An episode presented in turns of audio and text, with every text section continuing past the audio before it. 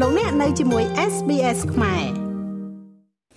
ដោយការគ្រោងទុកនៅព្រឹកថ្ងៃទី1ខែសីហាកូជូប បានប្រកាសផ្សាយនៅលទ្ធផលបណ្ដោះអាសន្ននៃការបោះឆ្នោតជ្រើសតាំងតំណាងរាស្ត្រនីតិកាលទី7លទ្ធផលបណ្ដោះអាសន្ននេះគឺបង្ហាញថាក្នុងចំណោមគណៈបញ្ញនយោបាយទាំង18ដែលបានចូលរួមប្រកួតប្រជែងការបោះឆ្នោតនៅកម្ពុជាកាលពីថ្ងៃទី23ខែកក្កដាពេលនេះគឺគណៈបកប្រជាជនកម្ពុជាទទួលបានសម្លេងឆ្នោតច្រើនជាងគេហើយបន្ទាប់មកគឺគណៈបកហ្វុនស៊ីមពេច លទ្ធផលបណ្ដោះអាសន្ននៃការបោះឆ្នោតជ្រើសតាំងតំណាងរាស្ត្រនីតិកាលទី7ត្រូវបានកោជបប្រកាសថាក្នុងចំណោមគណៈបកនយោបាយទាំង18ចូលរួមការបោះឆ្នោតគឺគណៈបកប្រជាជនកម្ពុជាទទួលបានសម្លេងឆ្នោតសរុបជាង6លានសម្លេងច្រើនជាងគេហើយបន្ទាប់មកគឺគណៈបកហ្វុនស៊ីមពេចទទួលបានសម្លេងឆ្នោតជាង70ម៉ឺនសម្លេងដោយឡែកគណៈបកដែលទទួលបានសម្លេងតិចជាងគេបំផុតគឺគណៈបកកសិករដែលទទួលបានសម្លេងឆ្នោតត្រឹមតែជាង12000សម្លេងតែប៉ុណ្ណោះ លោកហងពុធាសមាជិកនិងជាអ្នកនាំពាក្យកោជបបានបញ្ជាក់ថាក្រោយការប្រកាសលទ្ធផលបណ្ដោះអាសន្ននេះគណៈបកនយោបាយចូលឈ្មោះបោះឆ្នោតមានសិទ្ធិប្តឹងតវ៉ាអំពីលទ្ធផលតាមការកំណត់នៃច្បាប់ក្នុងរយៈពេល72ម៉ោងទៅកាន់កោជបឬក៏ទៅកាន់ក្រមប្រឹក្សាធម្មនុញ្ញលោកហងពុធាមុនពេលដែលលទ្ធផលនឹងត្រូវប្រកាសជាផ្លូវការគណៈបកនយោបាយអាចប្រើប្រាស់តួលេខនៃលទ្ធផលបណ្ដោះអាសន្ននេះឯង ធ្វើការប្តឹងតវ៉ាទៅនឹងលទ្ធផល ហើយកោជបនឹងមានដំណាក់កាលនិងឋានានុក្រមរបស់ខ្លួនក្នុងការដោះស្រាយនៅបណ្ដឹងទាំងនេះ ហើយនៅពេលដែលបណ្ដឹងត្រូវបានដោះស្រាយចប់សពគ្រប់ហើយកោជបនឹងប្រកាសជាលទ្ធផលផ្លូវការ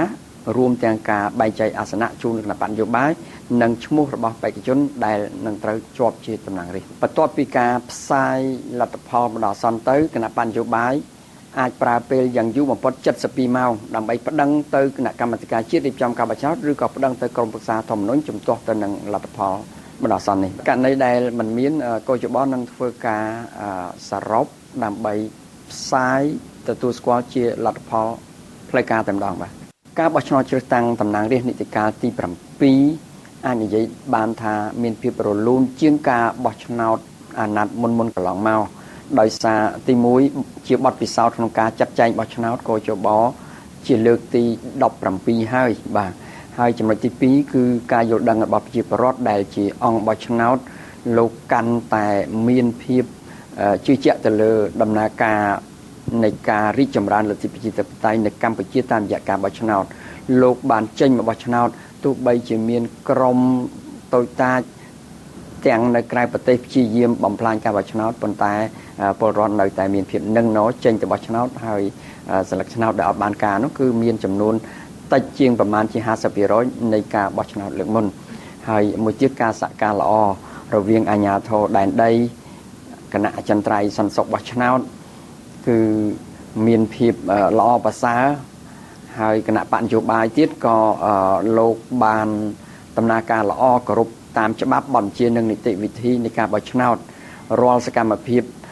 ដែលបានធ្វើគឺមានការអង្គុយរួមគ្នារវាងគណៈបញ្ញោបាយអាជ្ញាធរដែនដីហើយនិងមន្ត្រីរៀបចំការបោះឆ្នោត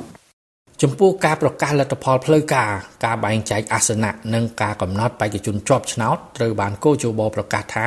នឹងប្រព្រឹត្តទៅនៅចន្លោះពីថ្ងៃទី4ខែសីហាដល់ថ្ងៃទី4ខែកញ្ញាឆ្នាំ2023 តាមការកណនីក្រៅផ្លូវការចំពោះលទ្ធផលបណ្ដោះអាសន្ននៃការបោះឆ្នោតជ្រើសតាំងតំណាងរាស្ត្រនីតិកាលទី7កាលពីថ្ងៃទី23ខែកក្កដាឆ្នាំ2023គឺគណៈបកប្រជាជនកម្ពុជាទទួលបានអាសនៈចំនួន120អាសនៈក្នុងចំណោមអាសនៈរដ្ឋសភាសរុប125អាសនៈនិងគណៈបកហ៊ុនស៊ីមពេចទទួលបាន5អាសនៈពលគឺគណៈបកហ៊ុនស៊ីមពេចទទួលបាននៅភ្នំពេញមួយអាសនៈ ខេត្តកណ្ដាលមួយអាសនៈខេត្តកំពង់ធំមួយអាសនៈខេត្តព្រៃវែងមួយអាសនៈនិងខេត្តកំពង់ចាមមួយអាសនៈ